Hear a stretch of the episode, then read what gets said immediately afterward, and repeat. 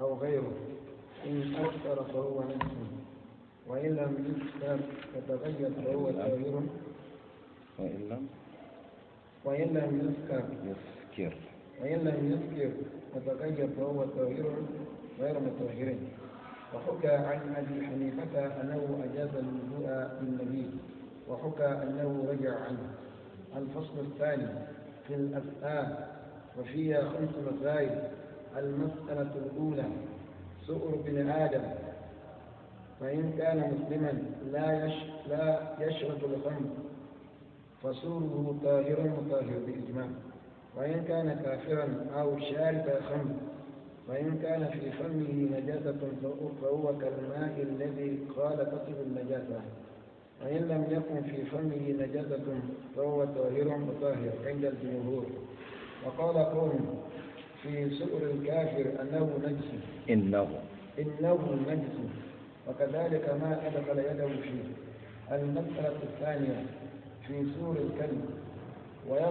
ويغسل الإناء ويغسل. ويغسل الإناء سبع مرات. ويغسل مبني للمجهول ويغسل الإناء. إناء. إناء سبع مرات من وضوئه في الماء عند الأربع. وسال الشافعي التعفير بالتراب.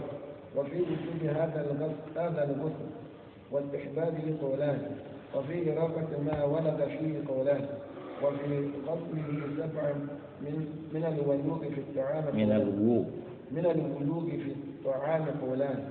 وفي تكرار الغسل لجماعة لجماعة الكلاب ولتكرار الكلب الواحد قولان. وفي غسله سبع من ولوغ الكلب المأذون في اتخاذه قولان. المسألة الثالثة سور الخنزير وهو طاهر خلافا للشافعي وفي غسل وفي غسل الإناء منه سبع قولان. المسألة الرابعة في سؤر ما يستعمل النجاسة. ما. يستعمل النجاسة؟ كالهر. كالهر كالهر. والفأرة. فإن رؤي في أفواه في أفواهها نجاسة. كان كالماء الذي خالطته النجاسة فإن تحققت طهارة أفواهها فطاهر. فإن لم فإن لم يعلم إن لم يعلم. فإن لم يعلم فيغتفر ما يعسر التعذير منه. وفي تنجيز ما. ما يعسر ما يعصر. ما يعسر التحريز منه. تحرز. تحرز منه وفي تنجيز ما ما يتحرز منه قولان المسألة الخامسة سور الجواب والسباع ظاهر عند الإمامين. وقال أبو حنيفة الأفعال تابعة لل- لللحوم بس.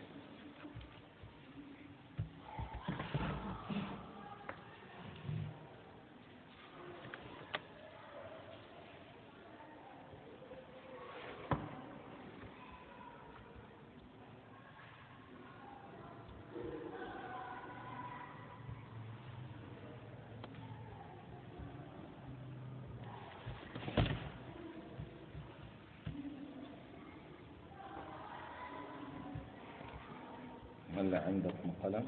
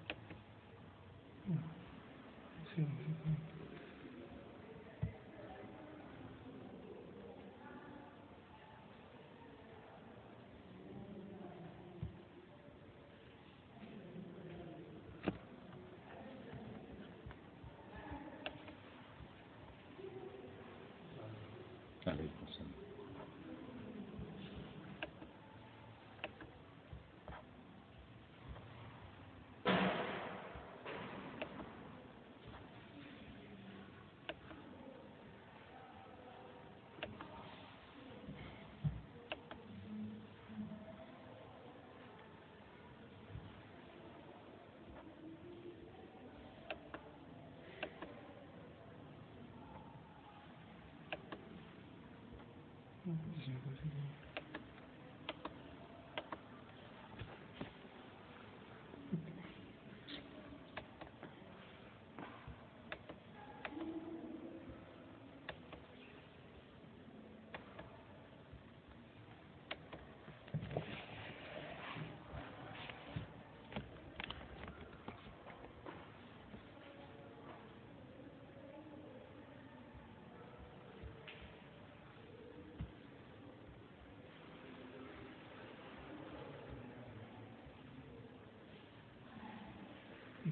بسم الله والحمد لله والصلاة والسلام على رسول الله محمد بن عبد الله وعلى آله وصحبه ومن والاه وبعد.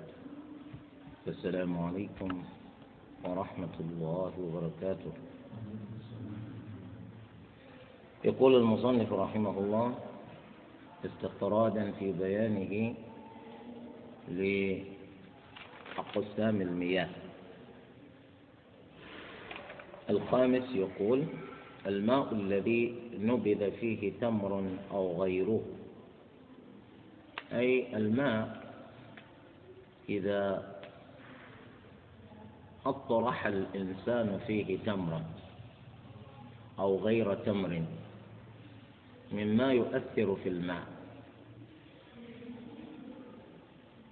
فيتغير الماء بعد أن كان ماء عاديا. ليصير ماء مسكرا. يتحول الماء من من كونه ماء عاديا ليصير خمرا. كالخل مثلا لأن الخل إذا طرح في الماء وترك لفترة طويلة قد يتحول الماء بعد أن كان ماء عاديا ليصير مسكرا. فإذا صار مسكرا صار خمرا. كذلك الذرة. الذرة إذا كانت هي التي طرحت في الماء وبقي الماء لمدة طويلة وفيه الذرة يتحول الماء هذا إلى مسكر. حتى الخبز لو طرح الخبز في الماء وترك لفترة طويلة فالماء يتحول إلى مسكر. ويمثلون بالتمر لأنه مما قد علمه الناس من سالف الزمن أن التمر إذا طرح في الماء نبذ في الماء فإنه يتحلل في ذلك الماء. وهو بتركيزه لفترة طويلة يتحول ذلك الماء إلى مسكر ويقال له إذا صار مسكرا نبيذ. فهذا الماء الذي شأنه أنه قد يسكر وقد لا يسكر. علما بأنه لم يبقى ماء مجردا لأنه قد صار فيه التمر. هذا الماء يقول إن أسكر فهو نجس. إن أسكر الماء الذي نبذ فيه تمر فهو نجس وإن لم يسكر وتغير فهو غير مطهر. إن لم يسكر وإنما تغير لونه أو طعمه أو ريحه فحسب فالماء هذا لا يقال له نجس.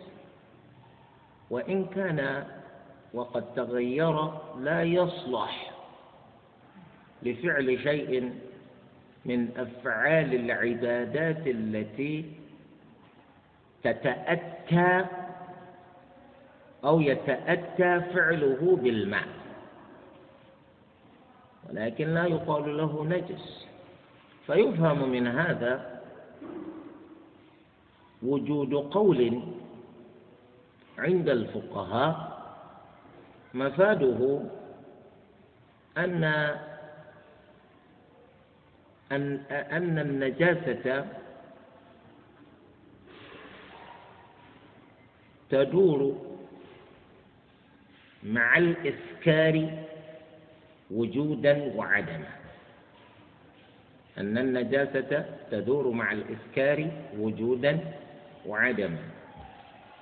فكل ما أسكر نجس. وما لا يسكر فليس بنجس.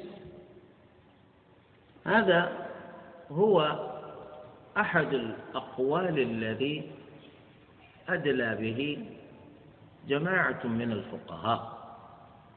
يرون أن الشيء النجس أن المسكر نجس. أن المسكر نجس. وإذا لم يكن الشيء نجسا آه لم يكن الشيء مسكرا فلا يكون نجسا. لذا فهؤلاء الفقهاء هم يرون نجاسة الخمر. يرون نجاسة الخمر. ومشتقات الخمر نجسة. الخمر نجسة ومشتقاتها نجسة كذلك. بقول الله عز وجل يا أيها الذين آمنوا إنما الخمر والميسر والأنصاب والأزلام رجس من عمل الشيطان فاجتنبوه لعلكم تفلحون. رجس بمعنى نجس. فإذا كان ربنا عز وجل قد بين في هذه الآية لأن هذه الأمور الأربعة نجسة ذكر منها الخمر فيفهم من ذلك أن الخمر نجسة. لكن يختلف الفقهاء في فهم المراد بالنجس بالرجس في هذه الآية. لأن النجاسة قد تكون عينية نجاسة عينية وقد تكون النجاسة حسية. كما قال ربنا عز وجل إنما المشركون نجس فلا يقربوا المسجد الحرام بعد عامهم هذا. ومعلوم أن النجاسة التي وصف الله عز وجل بها المشركين ليست نجاسة حسية بمعنى أن كل من لمس جسم كافر وقد توضأ يطلب إليه أن يغسل يده لأنه قد لمس نجاسة. كما لو أكرمكم الله لمس برازا أو بولا. ليس الأمر كذلك. فلأجل هذا يقول الفقهاء إن نجاسة المشركين التي أشار الله إليها في هذه الآية إنما هي نجاسة معنوية. نجاسة معنوية. بخلاف العذرة البراز والبول هذه نجاساتها عينية. حيث إن الإنسان لو, لو لمس شيئا من ذلك فإنه يطالب مطالب بأن يغسل يده للمسه النجاسة. وهل الخمر بسبب إسكارها نجاستها عينية أو معنوية. خلاف بين الفقهاء. لا نزاع بين الفقهاء فيما قال الله عز وجل حين وصف هذه الأشياء التي من بينها الخمر بأنها رجس. لا خلاف في ذلك. إنما الخلاف في تحديد نوع النجاسة التي وصفت بها هذه الأمور. هل هي عينية أو حسية؟ إنما الخمر والميسر الميسر القمار والأنصاب والأزلام رجس من عمل الشيطان. يعني نظرا إلى الأمور التي اقترنت بالخمر ذهب جماعة من الفقهاء إلى القول بأن النجاسة هنا معنوية وليست عينية في الوقت الذي يرى غيرهم لأن هذه النجاسة نجاسة عينية آه نجاسة حسية. فلذلك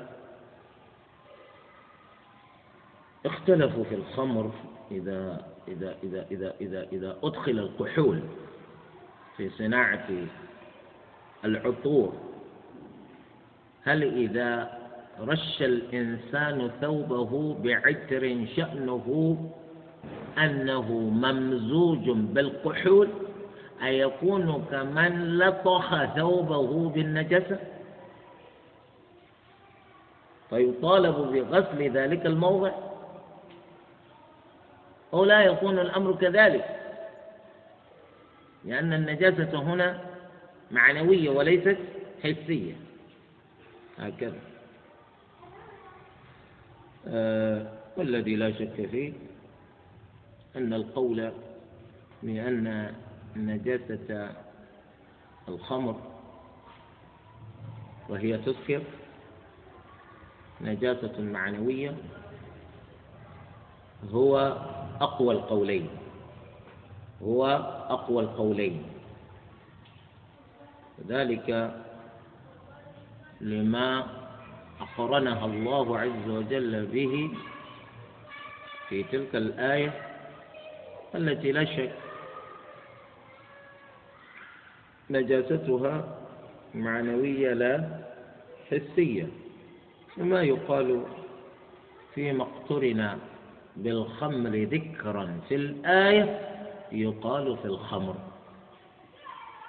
أي أن الرجس هنا بمعنى نجاسة معنوية وليست حسية. هذا من جهة. ف طبعا لا أحد يجوز لأحد أن يتوضأ بماء نبذ فيه تمر وقد تغير لونه أو طعمه أو ريحه لأنه لا مندوحة من حصول شيء من من هذه الأمور الثلاثة. إن لم يتغير لون الماء تغير طعمه. إن لم يتغير طعمه يتغير ريحه. وكل واحد من هذه التغييرات كاف للحكم على ذلك الماء بعدم صلاحيته للاستعمال في الطهارة. أما القول بأنه إن أسكر لم يسكر يكفينا أن الماء قد تغير وتغيره يمنع من استعماله في الطهارة. أما قوله إذا أسكر فهو نجس إن لم يسكر فليس بنجس. هذه مسألة أخرى. مسألة أخرى. هذه المسألة يعني هي تتعلق بمساس مثل هذا الماء. إذا لمس الإنسان الماء الذي يسكر هل يطالب بغسل يده أو لا يطالب بغسلها؟ إذا قلنا الماء المسكر نجس نجاسة حسية. إذا وجب عليك أن تغسل يدك إذا لمست الماء المسكر لأنه بمثابة من لمس بولا وإذا قلنا إن نجاسة الماء الذي يسكر نجاسة معنوية. فنقول لا داعي لأن تغسل لأن تغسل يدك من لمسك لمثل هذا الماء. اللهم إلا إذا أردت ذلك من باب أن نفسك تعفيه فتغسله احتياطا. لا من باب أنك تغسل يدك لإزالة ما بها من نجاسة. وهذا ينطبق تماما على العطور على العطور التي تصنع في عصرنا الحاضر ممدودة بالكحول والكحول مسكر. الكحول مسكر. وقد درج الصناع إلى إدخال الكحول في صناعة العطور لا سيما العطور التي ترش. لأن الكحول عامل مساعد لتيسير رش العطور فهذا إذا استعمله الإنسان هل نقول العطر الذي فيه الكحول هل هو نجس؟ نعم نجس لكن نجاسة معنوية. لا نجاسة حسية. وعليه إذا أنت رششت ثوبك بعطر كهذا هل تطالب بغسل ذلك الموضع؟ فلا يجوز لك الصلاة بمثل ذلك الثوب قبل أن تغسله. أو نقول صلي ولا حرج. إذا كنت ترى أن نجاسة الكحول معنوية فتقول صلي ولا حرج. وإذا كنت ترى نجاسة الكحول حسية تقول لا تغسل الموضع حتى تزيل أثر ذلك الكحول من ثوبك ليتسنى لك أن تصلي في ذلك الثوب. وهكذا. ثم قال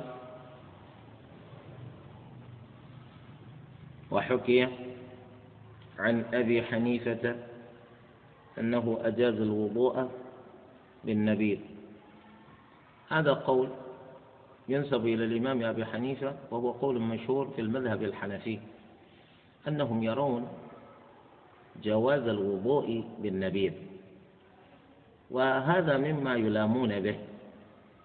قالوا لا تكن كحنفي يجيز للمسلم أن يتوضأ بخمر.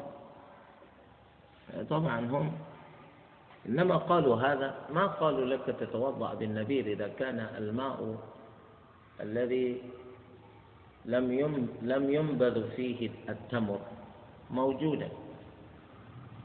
إنما الكلام في جواز الوضوء بالنبيذ عند الحنفية مبناه على عدم وجود غيره. من لم يجد غيره أيتوضأ به أو لا يتوضأ به. علما بأن الإمام أبا حنيفة ولا يرى أن الماء إذا تغير بشيء غير شيئا من أوصافه يمنع يمنع الشرع من الطهارة به. لأن التغير هذا إذا لم يكن بسبب بسبب الطبخ ليس أنك طبخت ذلك الشيء مع الماء حتى تغير. أبو حنيفة يقول لا توضأ. والراجح إن شاء الله أنه لا يجوز لك أن تتوضأ بالماء الذي تغير شيء من أوصافه الثلاثة. لأنه لا يصدق عليه أنه ماء مطلق. وربنا عز وجل يقول وأنزلنا من السماء ماء طهورا. والماء لا يكون طهورا حتى يكون مطلقا.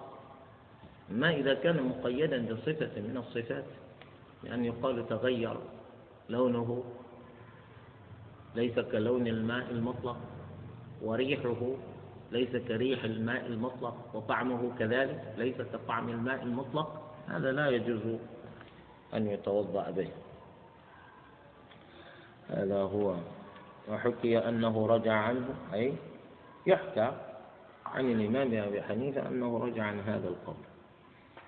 طبعا إذا كان قد قاله سابقا ثم قال قولا آخر فيما فيما يأتي فيكون له في المسألة قولان القول القديم والقول الجديد. ولكن عندهم في الحنفية عندهم آه، القول الذي يسمونه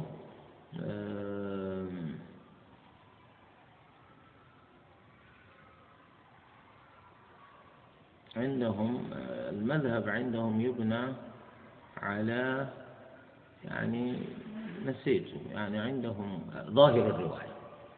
المذهب عند الحنفية يبنى على ما يقال له ظاهر الرواية.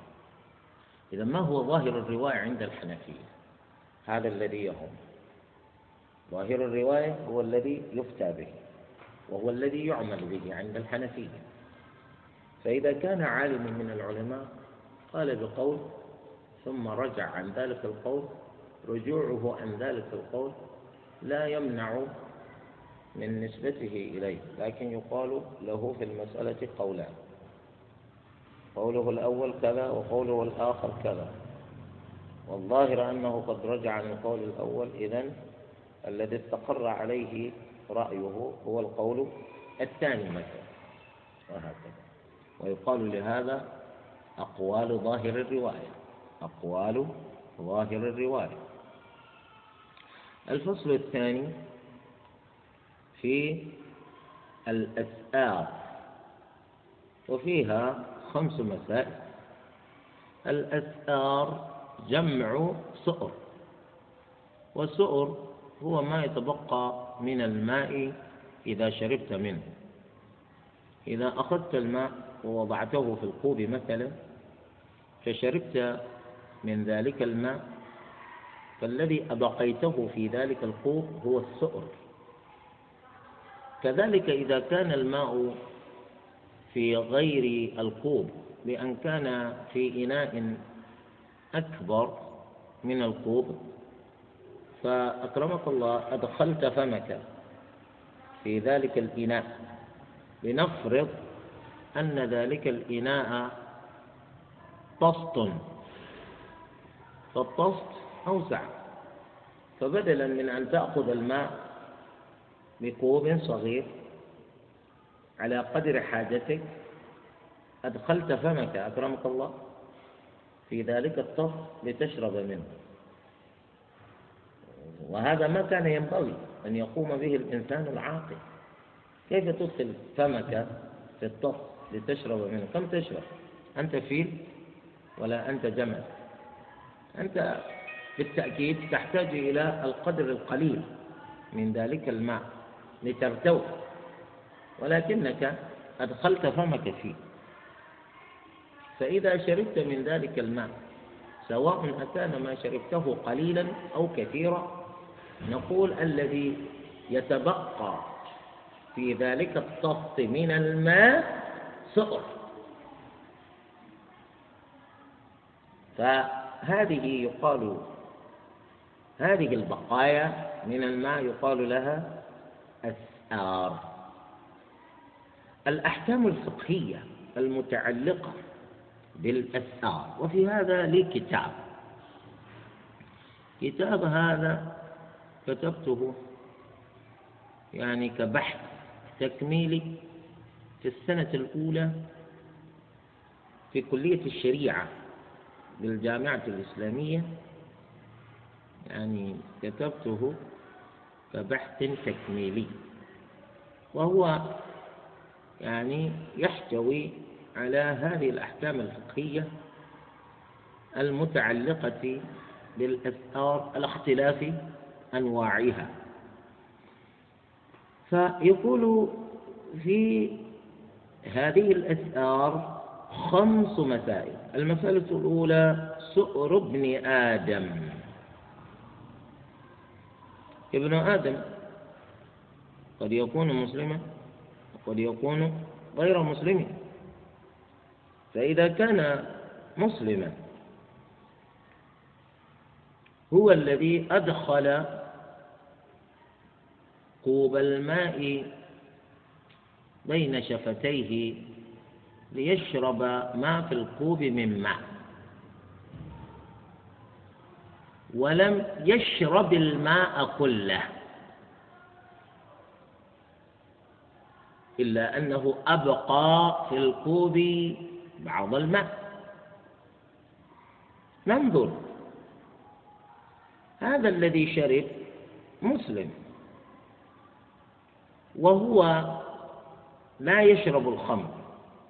لأنه قد يكون مسلما ويشرب الخمر. لأن شرب الخمر كبيرة من الكبائر. وشرب المسلم للخمر لا يجعله كافرا.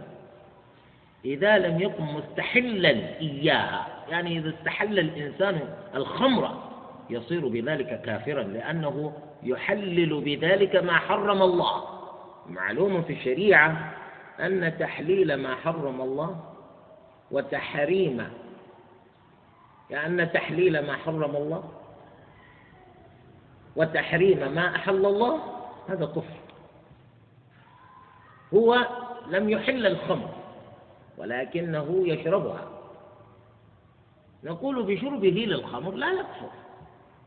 لا يكفر لأننا لسنا من الخوارج. الخوارج هؤلاء هم الذين يسمون الوعيدية. متشددون الغلاة. يرون أن مرتكبي الكبائر كفار. وأنهم وإن تابوا لا يتوب الله عليهم.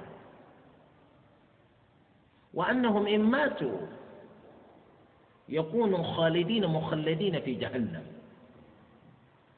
هؤلاء الخوارج. أما أهل السنة والجماعة هم لا يكفرون مسلما بكبيرة ما لم يكن مستحلا إياها. فلذلك المصنف يقول لك فإن كان هذا الآدمي مسلما لا يشرب الخمر لأنه قد يكون مسلما شاربا للخمر. وشربه للخمر قلنا لا يخرجه من الإسلام. ما دام ليس مستحلا للخمر. ومع ذلك من الذي يطلق لنفسه العنان؟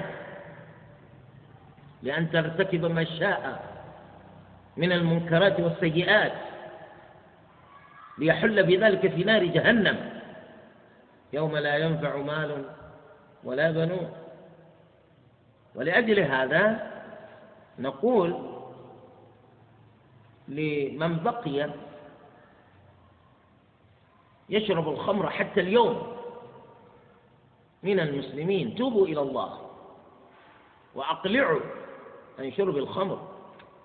لما تقرر في الشريعة أن من شربها في الدنيا حرمها في الآخرة. و ومن المعلوم أن الخمر أم الخبائث. أم الخبائث أم المنكرات. ذريعة أكبر الذرائع إلى الفواحش والموبقات. نسأل الله السلامة والعافية. فسؤره طاهر. لكن بهذا الشرط أن يكون الذي شرب الماء وأبقى شيئا منه مسلما وهو لا يشرب الخمر. فالباقي من من الماء الذي شربه يكون طاهرا مطهرا بإجماع العلماء. ذلك أنت إذا أخذت الخوف وشربته إما فيه من ماء وبقي فيه شيء. يجوز لغيرك أن يأتي يشرب. يجوز لغيرك أن يأخذ هذا الماء ليتوضأ به. ويجوز لغيرك أن يأخذ هذا الماء ليغتسل به من الجنابة. لأنه سؤر مسلم سؤر آدمي مسلم لا يشرب الخمر. وإن كان الشارب للماء آدميا كافرا. آدميا كافرا. شرب الماء وأبقى القليل منه أو الكثير في الكوب أو الإناء. أو كان الشارب للماء والذي أبقى منه شيئا آدميا شاربا للخمر. قد يكون آدميا مسلما قد يكون آدميا كافرا. أما إذا كان آدميا كافرا شاربا للخمر ففيه علتان. علتان قادحتان. الكفر وشرب الخمر. الكافر إذا كان هو الذي شرب الماء وليس يشرب الخمر علة واحدة. قادحة مميتة. قاتلة. لأنه ليس بعد الكفر ذنب. ولذلك قوله أو شاربا للخمر يشير بذلك إلى المسلم وإلا لو كان كافرا كفره يكفي. كفره يكفي لأن الكافر أصلا أنت لا تستطيع أن تجنبه المنكرات والسيئات والفواحش لأنه ينام ويستيقظ في الفواحش والمنكرات والموبقات والمهلكات. مجرم مجرم. أما إذا كان الإنسان مسلما فإنه يحاول قصارى جهده لإيمانه وإسلامه أن يتجنب ما نهى الله عنه عز وجل. فلذلك أو شاربا للخمر أو كان آدميا مسلما يشرب الخمر. فإن كان في فمه نجاسة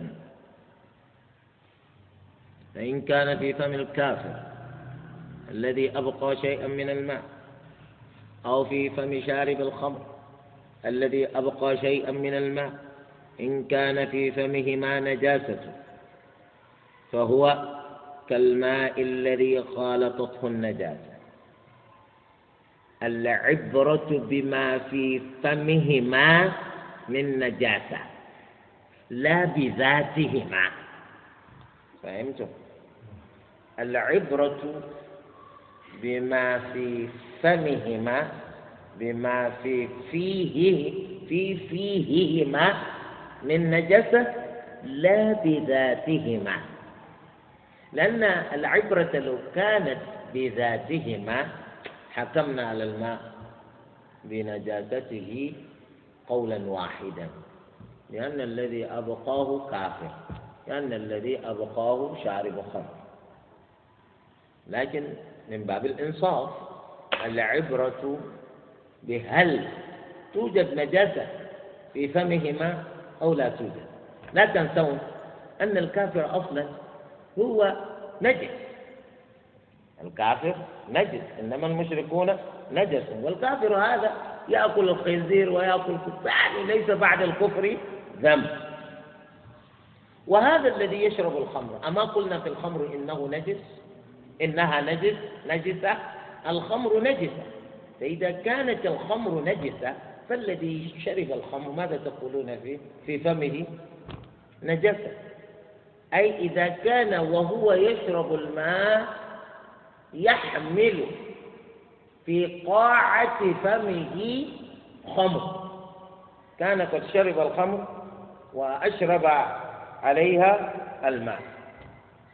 ها فنقول النجاسة التي في فمه تجعل السؤر نجسا.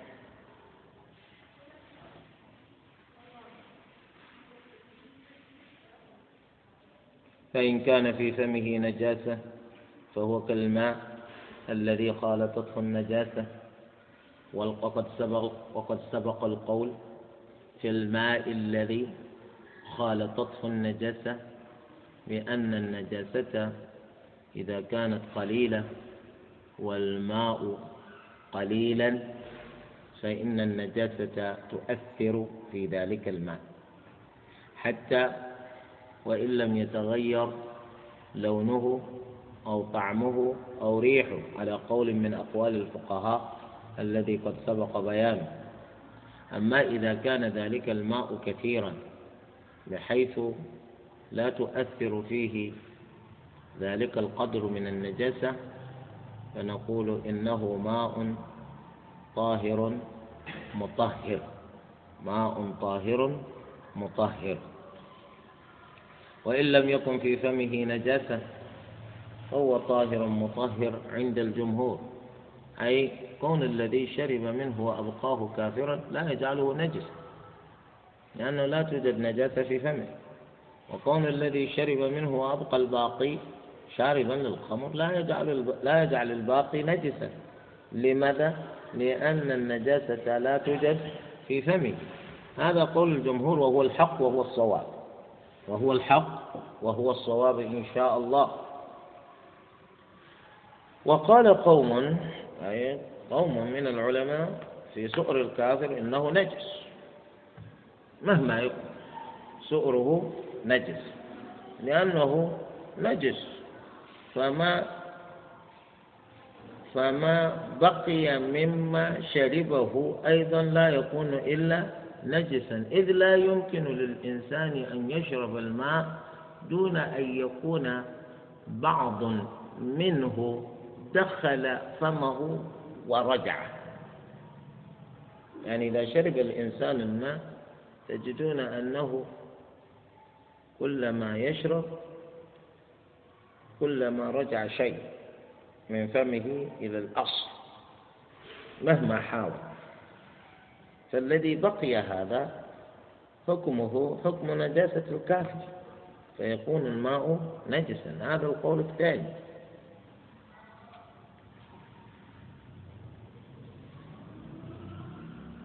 إنه نجس. وكذلك ما أدخل يده فيه. قالوا الماء إذا أدخل الكافر فيه يده يصير نجسا. لأنه نجس. لأنه نجس. يعني هذا القول يعني يعني آه هذا القول يشدد فيه على الكافر. والكافر إذا فكر في هذا هذا يكفيه لأن يسلم. يا جماعة يقول يا جماعة أنا لست غائطا يا جماعة. يقول بل أنت غائط وأشد غائط وزيادة. كيف وأنت قلبك أسود؟ لا إيمان لك ولا شيء.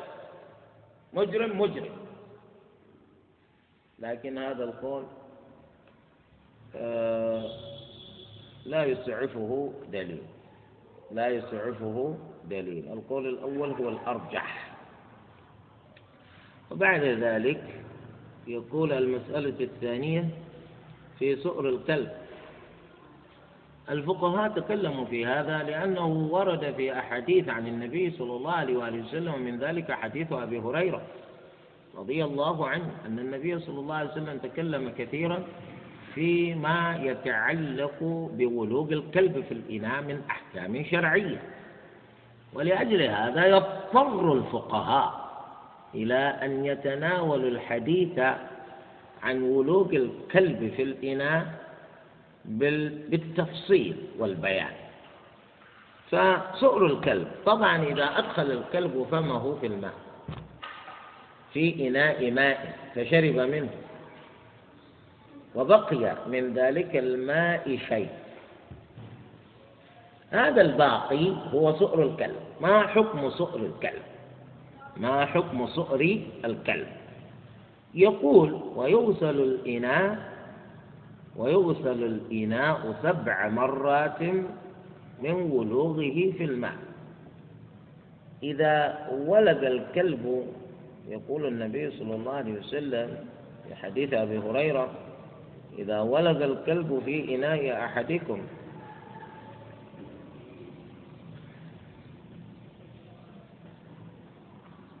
فل فليرقه ثم ليغسله سبع مرات. فأولا أنك تطرح هذا الباقي. ترمي به. ثم تغسل الإناء الذي ولغ فيه الكلب سبع مرات. هذا الحديث ورد بألفاظ متعددة. يفهم من هذا الحديث أن الكلب إذا أدخل فمه في الإناء وأخرج لسانه فأحركه هذا الولوغ أدخل فمه في الإناء وأخرج لسانه فأحركه إذا فعل هذا فقد ولد. شرب أو لم يشرب. فالكلب إذا ولد في إناء في إناء مسلم فالنبي صلى الله عليه وسلم أمر أمرنا بأن نغسل ذلك الإناء سبع مرات. سبع مرات. هل هل الأمر بغسل الإناء من ولوغ الكلب فيه سبع مرات معللة تعليلية أو تعبدية؟ هل هي تعليلية أو تعبدية؟ يقول العلماء يختلفون في هذا إلى قولين منهم من يرى أنها تعليلية لأن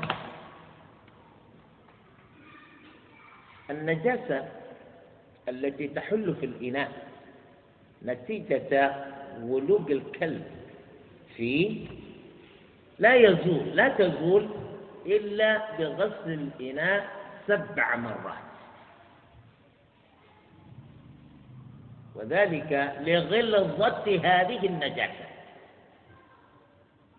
يقول العلماء الآخرون كالمالكية يقولون لا هذه النجاسة قد تزول بأقل من سبع مرات وإنما النبي صلى الله عليه وسلم أوصل المرات إلى سبع من باب التعبد.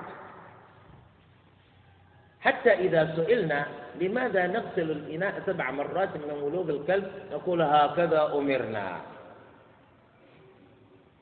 ولا حيلة لنا. بدليل أنك لو غسلت الإناء الذي ولد فيه الكلب مرة. فزالت النجاسة بتلك المرة.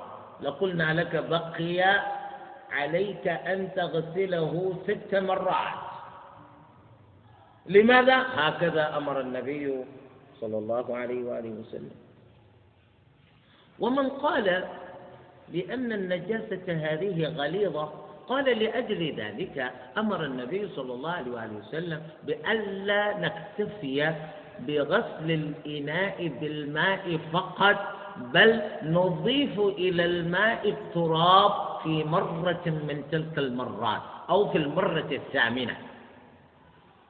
لأن النبي صلى الله عليه وسلم يقول في في رواية إذا ولد القلب في إناء أحدكم فليغسله سبعا إحداهن بالتراب. سبع مرات إحداهن بالتراب. إذا سبع سبع فقط. وفي رواية يقول النبي صلى الله عليه وسلم إذا ولد الكلب في إناء أحدكم فليغسله سبع مرات ثم ليعفره الثامنة بالتراب إذا التراب في المرة الثامنة وبهذا أخذ الإمام الشافعي. إذا يقولون لغلظة نجاسة لعاب الكلب ولأن هذه النجاسة لا تزول لا تزول إلا باستعمال مادة خشنة. كالتراب أمر النبي صلى الله عليه وسلم بأن يكون آه، آه، بأن بأن يكون الغسل في مرة من المرات السبع بالتراب أو يكون الغسل للمرة الثامنة بالتراب. وقال هؤلاء الفقهاء الذين يقولون العلة التعبدية يقولون نجاسة فم الكلب. ونجاسة أكرمكم الله الغائط والبول أيهما أشد؟ ولا يوجد مكان في الشريعة. طبعا نحن نعلم أن نجاسة البول والغائط أشد. ولا يوجد في الشريعة الأمر بأن نغسل الغائط بعدد مرات من الغسلات. وإنما أنت مأمور بغسل الغائط حتى يتطهر الموضع. وأنت مطالب بغسل البول حتى يزول البول يعني من غير التقييد بعدد من المرات. ولماذا هذا يقيد مع أن نجاسته أخف من نجاسة العذرة؟ نقول هذا فهم منكم. أما الرسول صلى الله عليه وسلم بعد أن بين هذا يعني نقول يعني كنا نتخيل سابقا أن نجاسة الغائط أشد. وبهذا الحديث تبين لنا أن نجاسة لعاب فم الكلب أشد والحمد لله. لأننا جهال نتعلم من الله ونتعلم من الرسول صلى الله عليه وآله وسلم. على كل حال إذا ولد الكلب في إناء أحدكم إذا ولد الكلب في إناء أحدكم فليغسله سبعا. إذا ولد الكلب في إناء أحدكم فليغسله سبعا. إحداهن بالتراب. إحداهن بالتراب. فهذا آه، هو قول الجمهور في الحقيقة. إلا آه، يقول وإن لم يكن في فمه نجاسة وقال في سؤر الكلب يغسل الإناء سبع مرات من ولوغه في الماء عند الأربع. زاد الشافعي التعفير بالتراب. وفي وجوب هذا الغسل. طبعا هناك قول عند الحنفية بأن الإناء إنما يغسل ثلاث مرات. ثلاث مرات لأنهم يقولون أبو هريرة رضي الله عنه هو الذي روى الحديث. وقد أثر عنه أنه يقول إنما يغسل ثلاث مرات. وهم يقولون العبرة بما رأى لا بما روى. العبرة بما رأى لا بما روى. ونحن نقول العبرة بما روى لا بما رأى. لأننا لأننا مخاطبون باتباع الرسول لا باتباع غير الرسول. فالذي روي عن الرسول صلى الله عليه وسلم سبع مرات فليرى غيره ما يرى لا يهمنا. الذي يهمنا ما أمرنا به الرسول صلى الله عليه وآله وسلم. يقول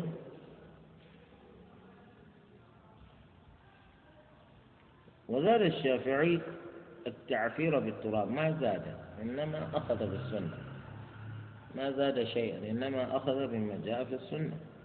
وفي وجوب هذا الغسل واستحبابه قولان ها هم يقولون هل يجب هل القول بغسل الإناء من ولوغ القلب سبع مرات واجب أو مستحب؟ وواجب لأن النبي صلى الله عليه وسلم إذا ولد الكلب في إناء أحدكم فليغسله سبعا فليغسله هذا أمر. فاللام هنا لام الأمر. والأمر للوجوب لا وجود لشيء يصرفه عن الوجوب فيبقى واجبا. هذا الصواب. وفي إراقة ما ولد فيه قولان. أي نعم يختلفون. هل إذا ولد الكلب في شيء يراق أو لا يراق؟ الصواب أنه يراق لأنه جاء في حديث أن النبي صلى الله عليه وسلم يقول فليركه أي أنت مطالب بأن تريق ذلك الشيء.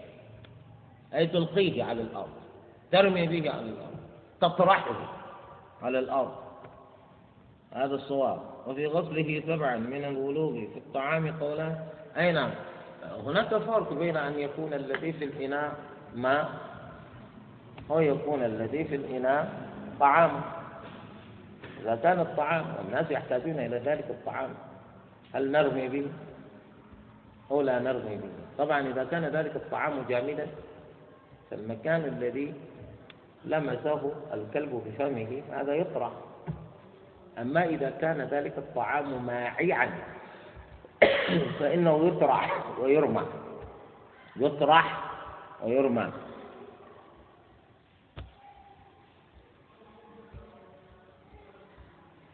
نكتفي بهذا من قوله وفي تكرار الغسل لجماعة الكلاب سبحانك اللهم وبحمدك أشهد أن لا إله إلا أنت أستغفرك وأتوب إليك ẹ̀yin kan pa ẹ́ńjìnì yẹn tì òun ṣe ń tó wù ẹ̀yin náà ṣe ń tẹ́ ẹ̀fẹ́ ìrọ́lá sí i.